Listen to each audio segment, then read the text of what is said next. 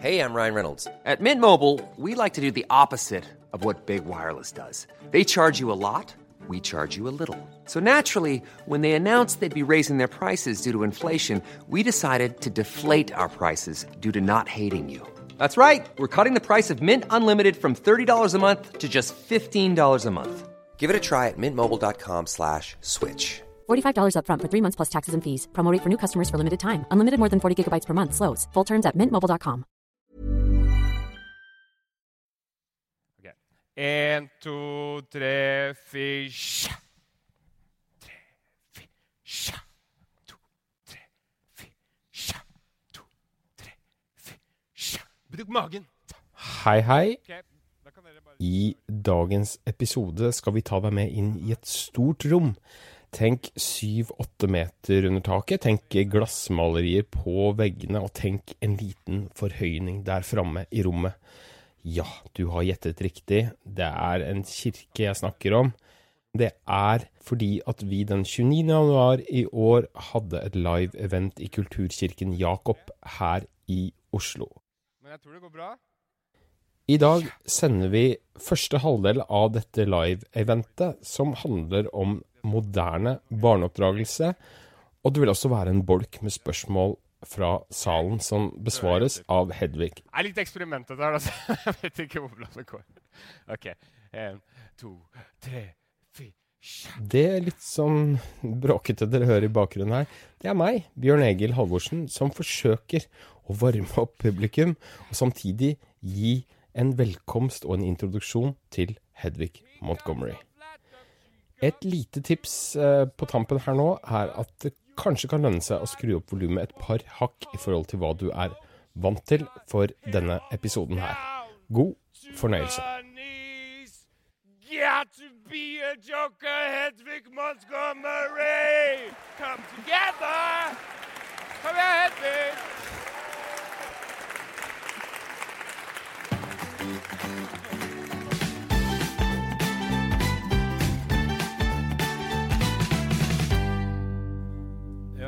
Vi hørte Hedvig Montgomery i denne snutten, så finnes det veldig mange varianter av eh, metoder og problemstillinger og gleder og utfordringer i livet med barn. Er det lettere eller vanskeligere å være forelder i dag enn for 20-30 år siden? Ja, du. Si at det er vanskelig. Nei, altså, dette kan man jo sitte og tenke mye på. Eh, jeg er veldig glad for at jeg er forelder selv nå. Eh, fordi det er mer tid, mer ressurser, mer kunnskap. Uh, mer også forståelse av hvor mye denne familiesituasjonen betyr. Så eh, jeg vet ikke om det er lettere, men jeg er glad for at jeg er forelder nå. Ja, eh, Hvis man skulle vært det for 30 år siden, hva ville de store, største forskjellene vært? Og det har vært mye som har skjedd i, i utviklingen av hva vi tenker om foreldre, hvordan vi tenker rundt barn. Eh, 30 år tilbake igjen i tid så hadde vi 80-tallsbarna. Sjokopops, nøkkel rundt halsen. Eh, mye frihet, mye trist som vi ikke så. Eh, et kosthold som eh, siden fikk sin enorme backlash på 2000-tallet, hvor vi fikk de sukkerfrie barnehagene. Men så mye måtte vi til for å ta igjen 80-tallstiden. Men hvis man da vil være en moderne forelder da, og oppdra i tråd med, eh, med oppdatert kunnskap om barn og barns utvikling, hva, hva er liksom de viktigste grepene man kan ta? Altså, det vi har av ny kunnskap, eh, som kanskje er det som har revolusjonert mest hvordan vi tenker om barns utvikling, det er at vi nå skjønner hvor langsom hjernens utvikling er. Og hvor enormt mye hjernen utvikler seg i løpet av de første noen og tyve årene. Altså hvor lang tid det tar å få et barn helt i mål. Det er ting vi vet nå som vi faktisk ikke visste for bare 25 år siden. Jeg kan du gi noen eksempler på det? Altså, det, er, det er jo veldig seigt hvis det tar 22 år å få hjernen på plass. Ja, tålmodighetsprøve, og det tror jeg nok også mange, barn, mange foreldre vil kjenne seg igjen i. Eh, Jeg tror vel først da det var det, den sommeren min eldste skulle fylle, fylle 24. Da kom han hjem på sommerferie. Hilste på alle i rommet. Sa at han hadde lyst på en kopp te. Spurte om noen andre også hadde lyst på. hørte på svaret, noterte seg hvem som skulle ha melk, hvem som ikke skulle ha melk, gikk til kjøkkenet, eh, så på veien en skitten kopp, tok den med seg, satte den inni opp... Altså, jeg holdt jo på å dette av stolen. Eh, men ut ifra det vi vet nå, så er det nøyaktig på tid. Nøyaktig på tid. Gutter er eh, der de skal være fortsatt muligheten til å bli enda bedre, men de er gode voksenutgaver av seg selv i sånn ca. 3-24-årsalderen. Eh, og kvinner vi leder alltid litt an, så vi kommer et par år før. Eh, men så lang tid tar det. Og én ting er denne slutten, som vi nå vet er så langsom. Men det vi også vet, det er at treåringen som går i bro av fortvilelse over at det ikke er mulig å balansere et eller annet oppå noe annet som ikke går, Eh, det vet vi nå at det ikke er fordi de er utålmodige eller dårlige personer eller har dårlige foreldre. De rett og slett har dårlig kontroll på følelsene sine fordi disse nervebanene er ikke på plass inni hjernen. rett og slett. Er det litt lett at vi har litt for høye forventninger da til, uh, til disse barna? Absolutt. Og for høye forventninger har vi faktisk for dem veldig lenge. Uh, og det er interessant fordi hjernen skal utvikles, og for at den skal utvikles, så trengs det to ting trygghet og muligheten, altså stimulering. De trenger å føle seg bra sammen med deg. Og de trenger å få muligheten til å gjøre nye ting, prøve nye ting, strekke seg, føle at de får til hele denne spinnen her. Så trygghet og stimulering, de to tingene i passe doser, er det vi jobber med hele tiden. Eh, å forvente at eh, en fireåring skal kunne kontrollere sinnet sitt, er rett og slett noe man kan vente i 20 år med å forvente seg. Ja. Og så kommer ja, Noen kommer kanskje aldri i mål. I mål. Nei, altså, jeg må jo si, bare si at uh, Enhver voksen som har fått kjenne på de litt voldsomme følelsene, vet at uh, ja. det er ikke alltid så lett å kombinere fornuft og følelser. Nei. Nei. Men vi har alle vært barn en gang. Og vi har alle våre minner og vi har alle våre metoder Eller altså, vi har alle våre erfaringer fra hvordan egne foreldre oppdro en selv. Eh, og det er ikke det veldig lett å farges av det når man da Eller det vet jeg at det er.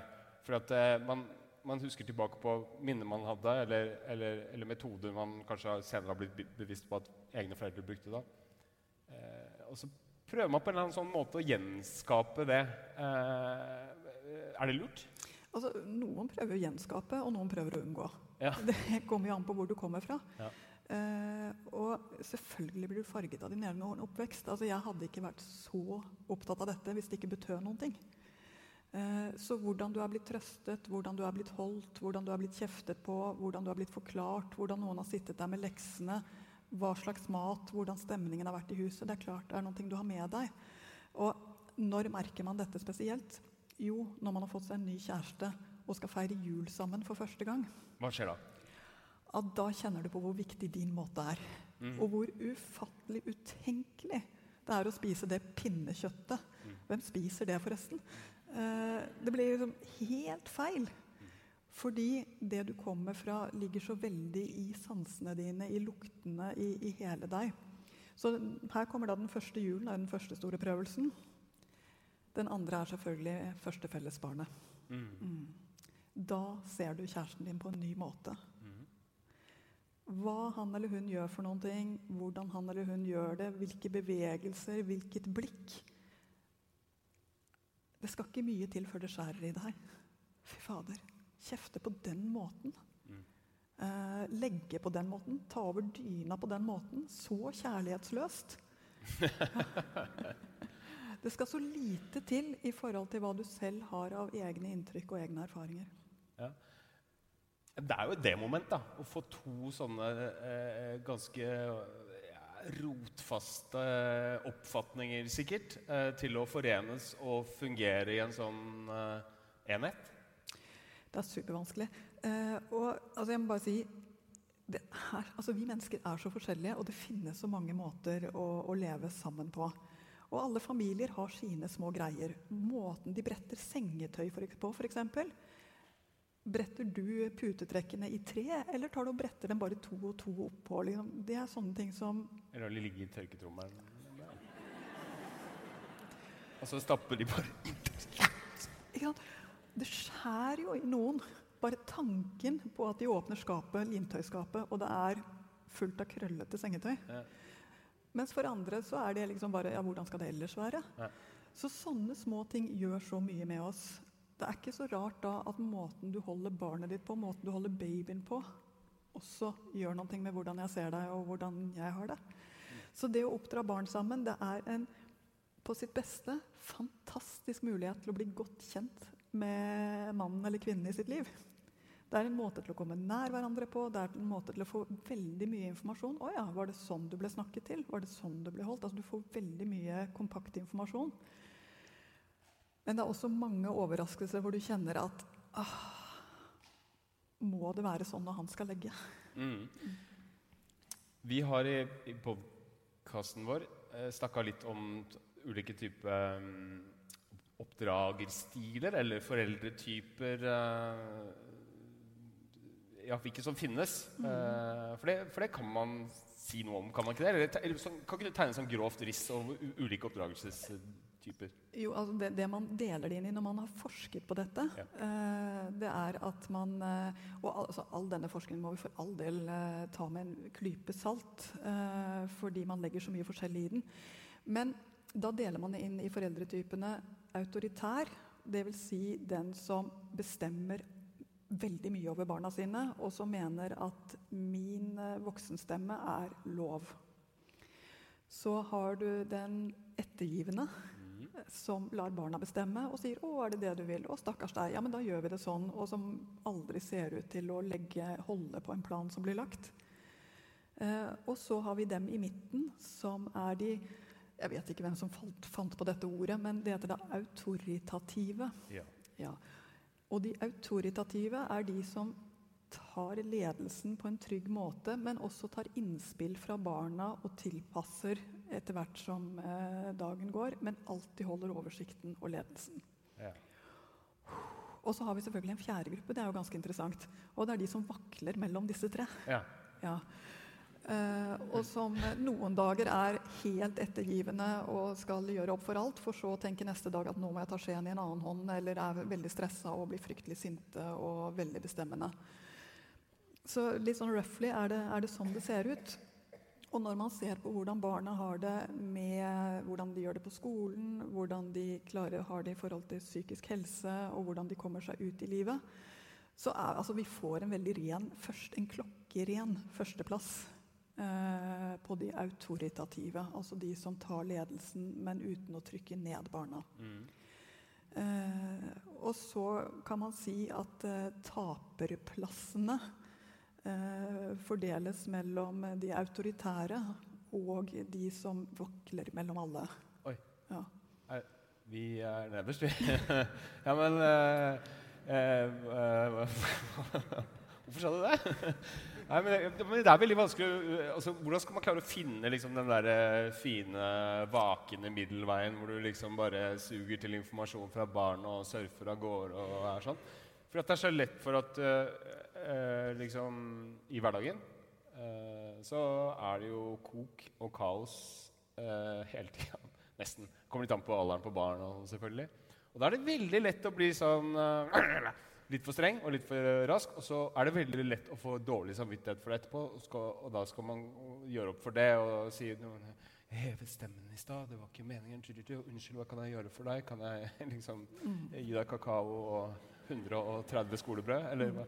Eh, em, så hva er de liksom, beste triksene for å bli den derre eh, autoritative? Ja, takk.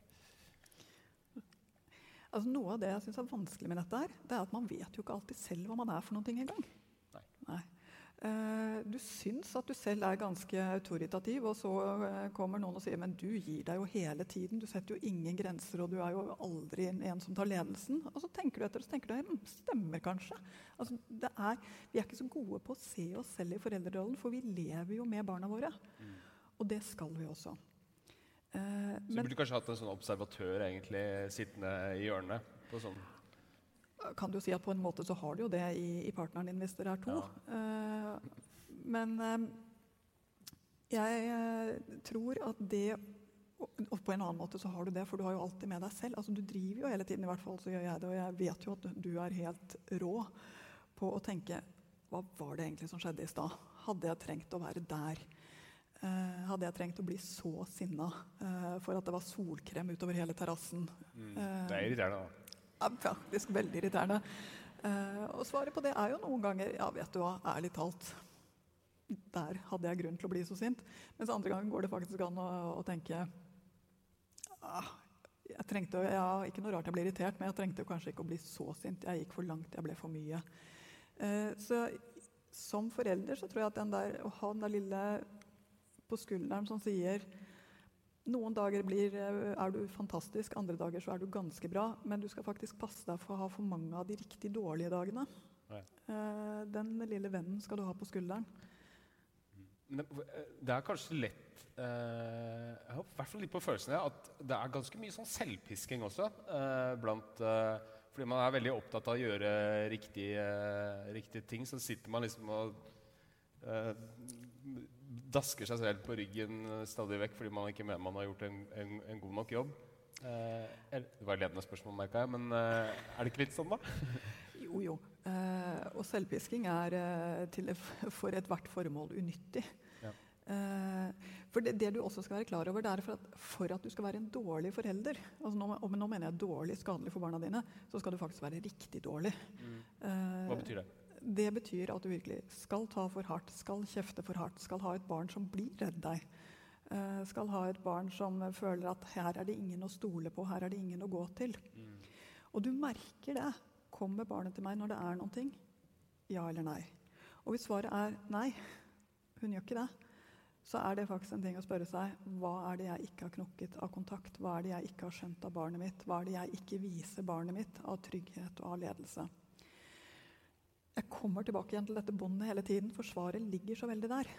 Når barn føler at det finnes et sted å komme for trøst når ting er vanskelig, når barn føler at det er et oss, vi hører sammen, vi gjør ting sammen, jeg er en del av denne familien, og når barn føler her får jeg lov til å ha mine følelser og være meg, og det skjønner de voksne, da går veldig mye av de andre tingene av seg selv. Så ha det grunnelementet på plass først, så er det veldig mye av det andre som løser seg litt selv. Og hvor det at du må justere litt og se at ok, morgenen er en sånn stund hvor det ganske ofte går i ball i vår familie. Så er det ene å si til det ja, det gjør det faktisk i de fleste familier. I hvert fall hvis det finnes barnehagebarn. Eh, og det andre er å si til det kan vi gjøre det litt smartere, sånn at vi ikke får den der pressa situasjonen de der tre minuttene i gangen hvor allting har en tendens til å gå helt gærent. Vær litt smart, vær litt foran. Det høres så lett ut når du sier det, men altså, det, er, det, er, jo vanskelig, da. Vanskelig, ja. Uh, og jeg tenker jo av og til at uh, ja, Nå sitter vi der vi sitter. Jeg er glad for at Vår Herre sendte tre sønner til meg som alle har uh, utfordret forskjellige sider av meg selv. For én ting er at dette handler om meg, om mine mønster, om min måte å være på. Men det handler jo også om hva slags barn man får. Noen barn er så lette, du skjønner, du kjenner deg igjen. De connecter så fort. Mens andre barn er en håndfull, reagerer på en annen måte, blir sint på ting for du tenker 'hæ, var det noe å bli sint for?' Blir lei seg når du syns at det ikke er så mye å gråte for. Altså, De fungerer på en annen måte. Barna er jo også med på å lage sin egen barneoppdragelse. Det er ikke bare deg. Men hva gjør man hvis man er litt på ulik eh, frekvens i eh, disse stilene dine, eller oppdragertypene? Noen er den Mor blir altfor streng, og far blir altfor ettergivende. Eller motsatt. Eh, hvordan får man det til å gli da? Altså, er det, er det skadelig? Så må jeg bare si, Det er mer sannsynlig enn usannsynlig at uh, to voksne mennesker kommer fra litt forskjellige historier og har litt forskjellige måter å gjøre ting på. Uh, så at dette skjer i en eller annen variant i de aller fleste familier, det gjør det. Uh, og jeg må også si jeg syns det har vært fascinerende å se med min egen kjæreste og liksom virkelig skjønne det at ja, han er faktisk oppvokst i en lærerfamilie. Han er dette var hans måte å tenke rundt lekser på. Så klart. Uh, mens jeg som har vokst opp med veldig lite voksenledelse, har helt andre måter å tenke rundt lekser på. Og så skal vi prøve å være et ålreit team for barna våre når de skal gjøre lekser. Mm. Eh, Funker sånn passe? det er, er klart at for at vi skal få til å funke sammen, så er det noe med å se hvordan det fungerer. Hva er det som får barna til faktisk å gjøre leksene? Altså, hvem er det av oss som har noen ting som ligner på en nøkkel? Og så er det også å ikke bli for hard mot hverandre. fordi det er jo det interessante. Du sier at man driver mye med selvpisking. Det er ikke spesielt konstruktivt. Men enda mindre konstruktivt er det når du begynner med partnerpisking. Og det er ikke så eh, eh, pikant som det høres ut når jeg sier det sånn. eh, fordi Bare la det synke inn litt. Ja. Beklager bildet, altså. Nei, bare bildet bare Glem det. Jeg glemmer det. Ja. ferdig? Bra. Eh, fordi eh, når en forelder står der og strever litt med å få til påkledningen, eh, og barnet vil ikke, og blir bare sånn som eh, Si at vi har en fireåring som du vet når Skjelettet blir liksom bare helt mykt. Det er umulig å få på noen ting. Eh, og så kommer den andre, og så blir selvfølgelig den som holder på med dette, blir til slutt ganske svett, varm og irritert av å holde på med denne helt umulige øvelsen. Så kommer den andre forelderen forbi og sier et eller annet Du er jo helt umulig, du må ikke ta i ham på den måten. Og dessuten, hvorfor har du ikke tatt på ullundertøy? Altså, kjører på med kritikk Ja. eh, mot en som allerede står og bader i svette og fortvilelse. Eh, så er ikke det et helt uvanlig scenario. Altså foreldre som får frem det absolutt verste i hverandre. Og vi da får en scene med, med mor og far som står og krangler om ullundertøy. Eh, I en situasjon hvor det kanskje er det minst nyttige av alt. Ja, Hva er alternativet egentlig i den situasjonen der? Jeg tror rett og slett at her skal man ha en liten kjøreregel. Og det er at den som gjør noen ting, er konge. Ja. Den som gjør noen ting, må få lov til å gjøre det på sin måte. Eh, og ikke gå inn og forstyrre. Eh, men hvis vedkommende ser ut som eh, hun holder på å gå i oppløsning, så kan du f.eks. si er det noe nyttig jeg kan gjøre? Ja. Uh, og da vil eh, han stort sett si nei.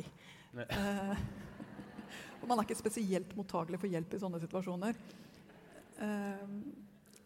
Men ellers, altså gå og gjør noe nyttig. Ja. Gå og smør matpakken istedenfor. Ja. Og så kan dere etterpå, når dere sitter der på kvelden Ungen har lagt og sier ja, «Uff, nå ble det en sånn morgen igjen, det var skikkelig stress for deg. Hva skjedde? Altså, da kan dere snakke om det som skjedde. Eh, og kanskje til og med dere kan hjelpe hverandre med å finne bedre måter å løse det på. Eh, men jeg tror nesten den vanligste feilen er å gå inn med kritikk i situasjoner som egentlig krever oppmuntring og kjærlighet. Og Ja. i hvert fall ikke forstyrrelse.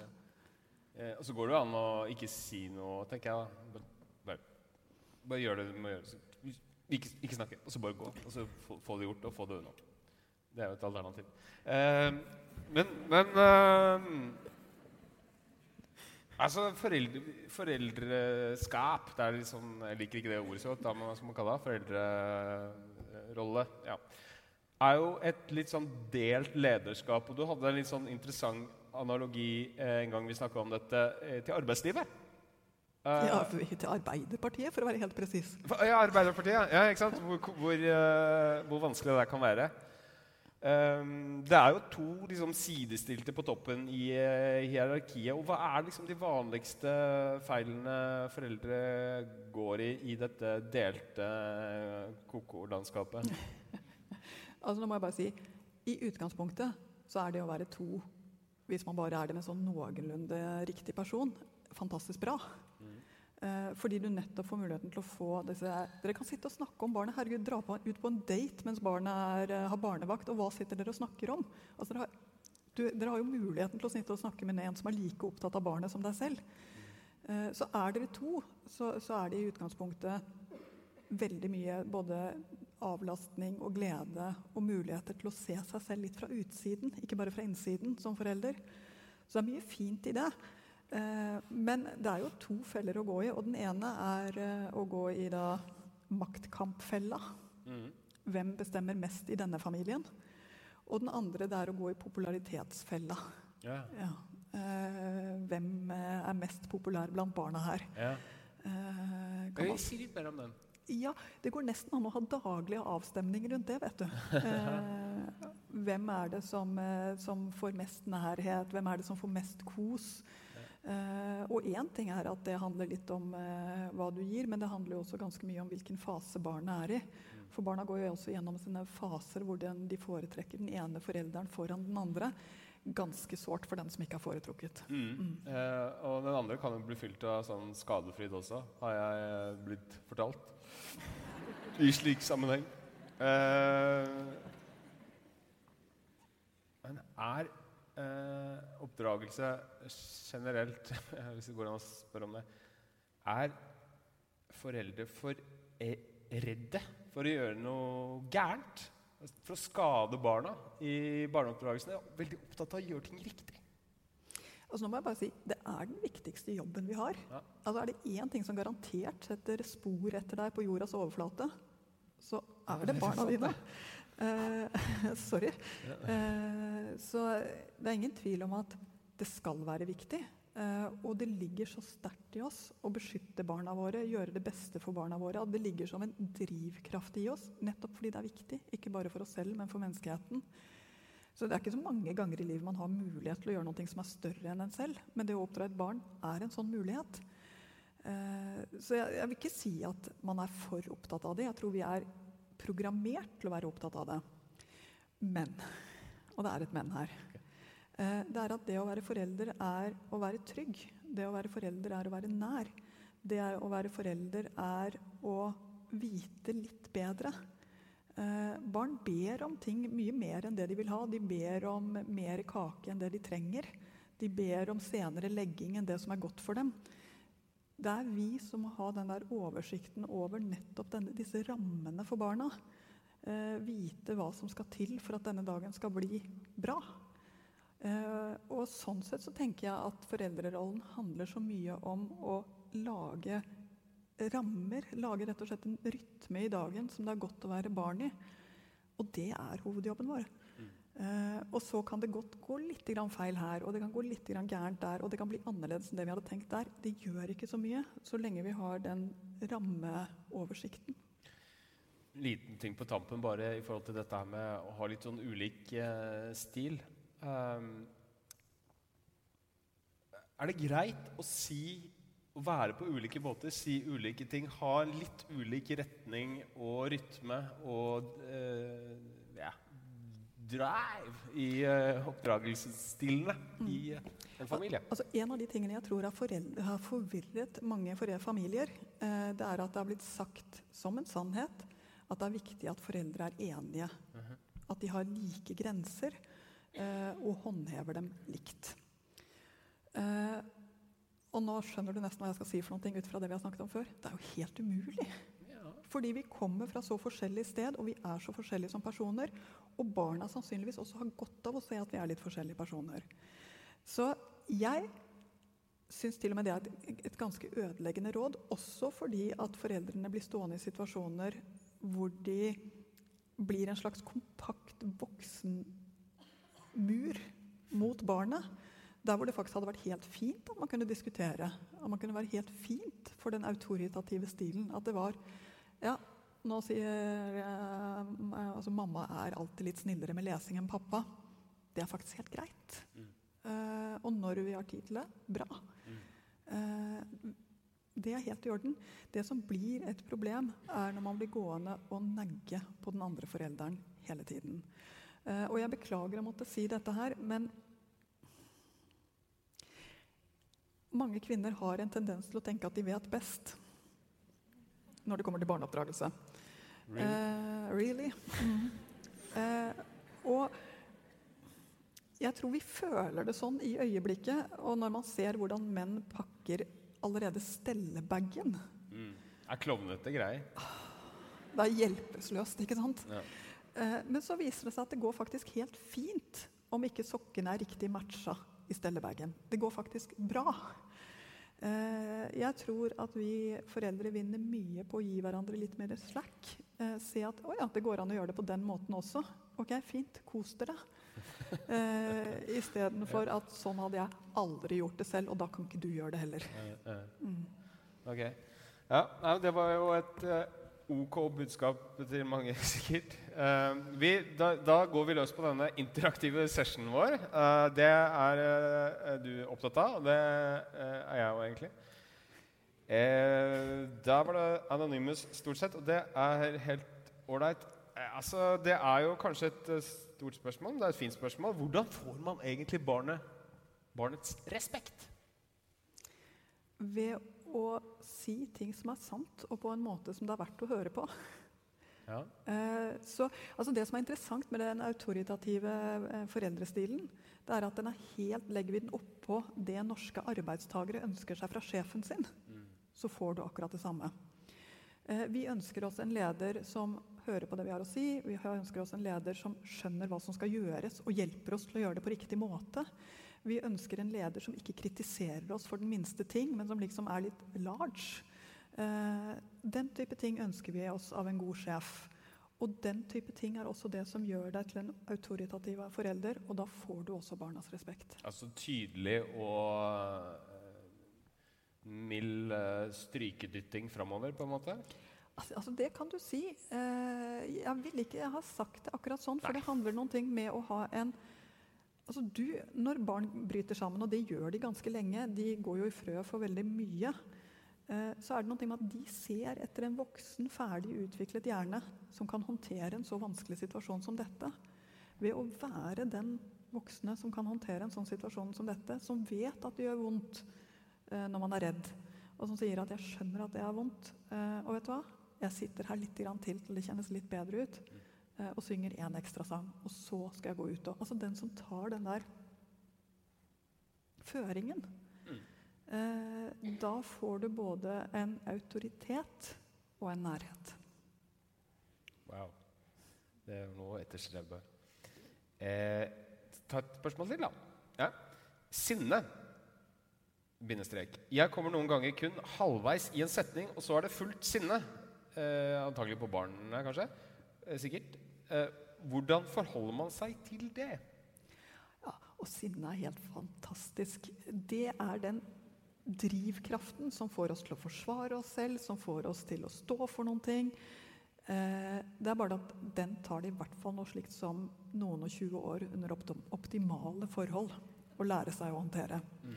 Så barna er nybegynnere. Når, de, når de liksom kjenner at det bobler i brystet, så er de nybegynnere på å tenke det kan jeg vente litt med. Eller kanskje jeg skal høre slutten før jeg finner ut om jeg trenger å være sint. Sånn tenker ikke fireåringer.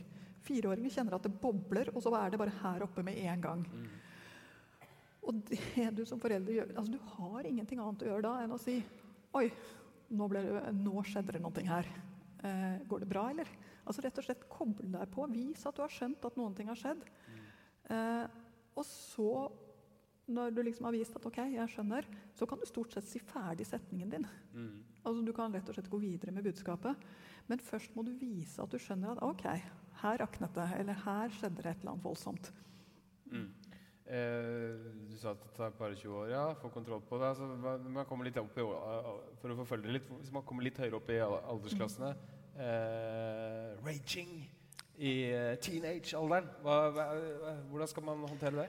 Ja, du husker jo sikkert tilbake hvor flaut det er å tenke tilbake hva du selv gjorde som tenåring noen ganger. Jeg har fortrengt mye av det her, da. Ah, veldig nyttig ja. egenskap. Ja. Eh, altså det er jo flere grunner til at tenåringer mister seg selv. Eh, så mye som det de gjør. Det ene er jo det at eh, denne hormonfabrikken som skrus på, de får ikke noe mer eh, testosteron eller eh, østrogen enn en det voksne har. Men det er jo første gangen hjernen deres ser det. Sånn at de kan ingenting om å håndtere de impulsene som, som disse hormonene sender ut. Eh, så det gjør at det rett og slett er vanskeligere for dem å lære seg å slow down the process, altså få det ned på et saktere nivå. De kommer dit. Det andre som gjør at de, de mister seg selv såpass lett som det de gjør, det er at de i en periode faktisk blir litt saktere i å gjøre ting. Litt mindre raske til å tilegne seg til ting. De trenger mer søvn i denne perioden. De orker mindre. Eh, de pakker seg inn eh, og føler at de blir tatt på fersken og avslørt selv når du ikke mener å gjøre det. Mm. Og når de føler seg avslørt og sett på med det der herregud-blikket, så er det bare én naturlig respons, og det er eh, Den gode nyheten er at de svinger mye fortere eh, i humøret, og at de faktisk glemmer litt at de var så sinte for bare 20 minutter siden. Eh, så de kan komme ut i stua etter at de har skjelt deg ut for at du kom inn og spurte et eller annet vennlig. Så kan de komme 20 minutter senere og spørre om det er noe sjokolade. Det er liksom helt sånn Ja, nei, ja, det er jo ikke så lett å på en måte være med på den berg-og-dal-banen. Nei, men jeg tror den viktigste tingen er å ikke ta det personlig. Det handler ikke om at du har gjort noe galt, eller at du er ubrukelig som forelder, eh, eller at du kunne ha unngått dette. Det er ingen måte vi kan unngå disse periodene i barnas liv som handler om at de skal finne seg selv og sin egen identitet. De må gjennom det. Det er en slags oppfølgespørsmål til dette spørsmålet, på en måte. Altså, en eh, som er her, da, som spør Er det noe i det folk ofte sier, at gutter er mer voldsomme i væremåten enn jenter? Eller er det en myte? Nei da, det er ikke en myte. Eh, Nei. og jeg tror nok veldig mange gutteforeldre har følt seg helt ubrukelige etter å ha vært i bursdagsselskaper. Eh, hvor jentene sitter og perler og spiser kake og, og oppfører seg, mens guttene er all over the place og henger i gardinene, og man må si unnskyld, unnskyld, unnskyld, unnskyld, unnskyld idet man går ut av døra. Eh, så, så at, at, men poenget er bare at dette gjelder når man ser på gutter som gruppe og jenter som grupper, så har gutter litt mer høyere aktivitetsnivå. Litt senere modne, litt senere til å komme til dette at de klarer å kontrollere på de forskjellige stadiene. Eh, men den gode nyheten er at de kommer dit. Ja. Eh, og den andre tingen å være klar over det er at det finnes også jenter som er sene, og det finnes gutter som er foran. Så, og det finnes jenter som er eh, utrolig eh, armer og bein lenge, og det finnes gutter som er rolige. Og, så det, at vi vet at det er en gutt eller jente, gjør ikke at vi vet noen ting om akkurat dette barnet. Fordi det er så store forskjeller eh, mellom gutter og gutter og jenter og jenter. Men jevnt over. Jeg forventer meg litt mer aktivitet når jeg har gutter på besøk. Eh, og jeg forventer meg litt mer eh, lyd eh, og sånne ting. Men det betyr jo ikke at det er en piknik å ha jenter på besøk heller. Altså. Ja, okay. Hvor skadelig er det at foreldre krangler mens barna hører på? Eh, nå må jeg bare si det skjer jo Ja. eh, i de aller fleste hjem. Eh, det som er skadelig, er når det er krangler som ikke blir løst. Eh, det som er skadelig, er når det blir en grunnstemning av mistillit og sånn åh, i hjemmet. Eh, det som er skadelig, er når man, ikke, når man omtaler den andre uten kjærlighet og respekt. For grunnen til det er at barn lærer seg kjærlighet av å se kjærlighet. Og én ting er å se kjærlighet til dem selv, men det er også å se kjærlighet mellom de voksne er en veldig fin ting for dem. Så jeg vil ikke si at det er så skadelig at dere krangler innimellom. Sånn er det. Eh, men ta vare på kjærligheten, sånn at det er noe varmt i dette hjemmet og dette forholdet også mellom dere. Den nagginga som du snakket om i stad, hvor tidlig senser barn eh, det? Gjør de det liksom helt fra de er helt små? Barn er svamper. Svamper? Ja. Ja. Eh, De tar veldig fort fordi det er så viktig for dem hvilke stemninger og De tolker ansiktsuttrykk eh, veldig tidlig. Så de ser slike ting fort. Eh, og de trenger veldig altså Har dere kranglet? Det er faktisk noen ting av det viktigste er å gi særlig de små barna en bekreftelse på at det går bra. Det går bra. Det går over, og jeg har kontroll, og det fikser seg. Og så må du fikse det. Når et barn kjefter og krangler og er urimelig i opplevd fra voksenverden, ja, er det, er det riktig å si at dette er ikke greit, eller må vi bare tåle det? Altså, hvor, hvor ettergivende Og når kan man sette ned foten? for å si sånn? Jeg må bare si at jeg tror alle sammen har litt forskjellig sted å sette ned foten. Eh, og så kommer det også an på alderen til barnet, så klart. Eh, men det er ikke sikkert at du får noe effekt ut av å si Ærlig talt, sånn kan dere ikke holde på. Det tror jeg alle foreldre har sagt til alle tider uten at det har skjedd noen ting som helst i barnegruppen. Ja. Eh, men du må gjerne si det. Ja. Eh, fine. Ja. Det kan være godt å få sagt òg, da. Ah, kjempedeilig å få det ut. Kan det bli litt mye føling i møte med barn? Kan man be barnet undertrykke irrasjonelle følelser, eller er det helt håpløst? Må man akseptere alt? Det er litt i beslekta til det nettopp uh, Nei, forrige foregående. Ja, ja. Uh, altså, følelser er en vidunderlig ting. Uh, for de er der av en grunn, men det er ikke alltid at de har rett. Så når du blir redd, så kan det godt være at det ikke er noen grunn til å bli redd. Eh, men du blir jo redd allikevel. Eh, vet ikke hvilke fobier er det du har? Litt sånn edderkopper eller slanger eller Jeg? Ja, Jeg, jeg, jeg er redd for eh, Jeg er ikke redd for alt mulig rart. ikke sant? Ja. ja masse folk. Ja, ja. I know. Eh, og så kan du si det er ikke så rasjonelt, for du sitter her jo, og det går kjempefint. Men det er en ganske lang vei å gå fra den der sterke frykten til at du sitter her og det går helt fint. Mm. Det er en voldsomt arbeid, og det arbeidet du gjør, det er å ta disse følelsene, som er et raskt, effektivt system for å vise oss vei, og legge det oppå erfaringer, tanker, kunnskap, som er det langsomme systemet vårt som gjør at vi kommer frem dit vi skal, sammen med følelsene. Mm. Dette er komplisert. Dette er egentlig det hele barndommen handler om. er Å lære seg å gjøre denne bevegelsen. Ta disse raske følelsene og begynne å se dem sammen med hvordan går det faktisk. Så mitt mantra der er aksepter alle følelser. Det betyr ikke at følelsene har rett, men det betyr at de trengs å tas med oppå dette erfaringskartet. Og det er det du gjør som voksen. Du hjelper barnet med denne bevegelsen. Ja, jeg vet. Det ser skummelt ut bak den gardinen. Men du, skal vi gå bort og se? Det er helt greit. Ingenting der. Kan du legge deg igjen nå? Mm. Eh, så du skal ikke gå i denne fella. 'Å, stakkars. Å, nå ble du redd. Og det ser skummelt ut bak gardinen. Å, det er skummelt bak gardinen. Og jeg vet ikke hva det er for noe bak gardinen. Jeg tør i hvert fall ikke å se. Å, stakkars deg. Og hva skal vi gjøre for noe? Å, så skummelt. Ja. Altså, da blir jo du tre år selv. Eh, som den autoritative forelderen så handler det om å skjønne at ja, vet du hva, nå er du redd, og det går an å være redd for den skumle skyggen der. Men det kan jeg hjelpe deg med. Mm. Det er på mange måter det som ligger i den autoritative eh, foreldreskapet. Så aksepter følelsene, og hjelp dem videre. Mm. Ja, så man, kan, man, skal aldri si Nei, dette er ikke farlig. Nei, det, det er ikke noe skummelt baki der. Nei da, det er så fint. Nei, ikke tenk på det. Bare legg deg ned. Altså, Tenk på selv når du slanker deg og er sulten som satan, og noen kommer og sier til deg nei, det er du faktisk ikke. ja. okay. Point taken. ja, det var det vi hadde i første halvdel av dette live-eventet. Del to hadde vi tenkt å sende senere. Håper du fikk noe ut av det så høres vi igjen om en stund.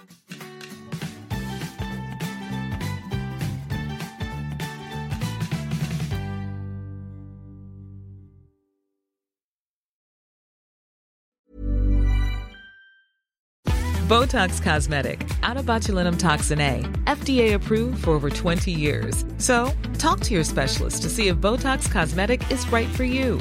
For full prescribing information, including boxed warning, visit BotoxCosmetic.com or call 877-351-0300. Remember to ask for Botox Cosmetic by name. To see for yourself and learn more, visit BotoxCosmetic.com. That's BotoxCosmetic.com.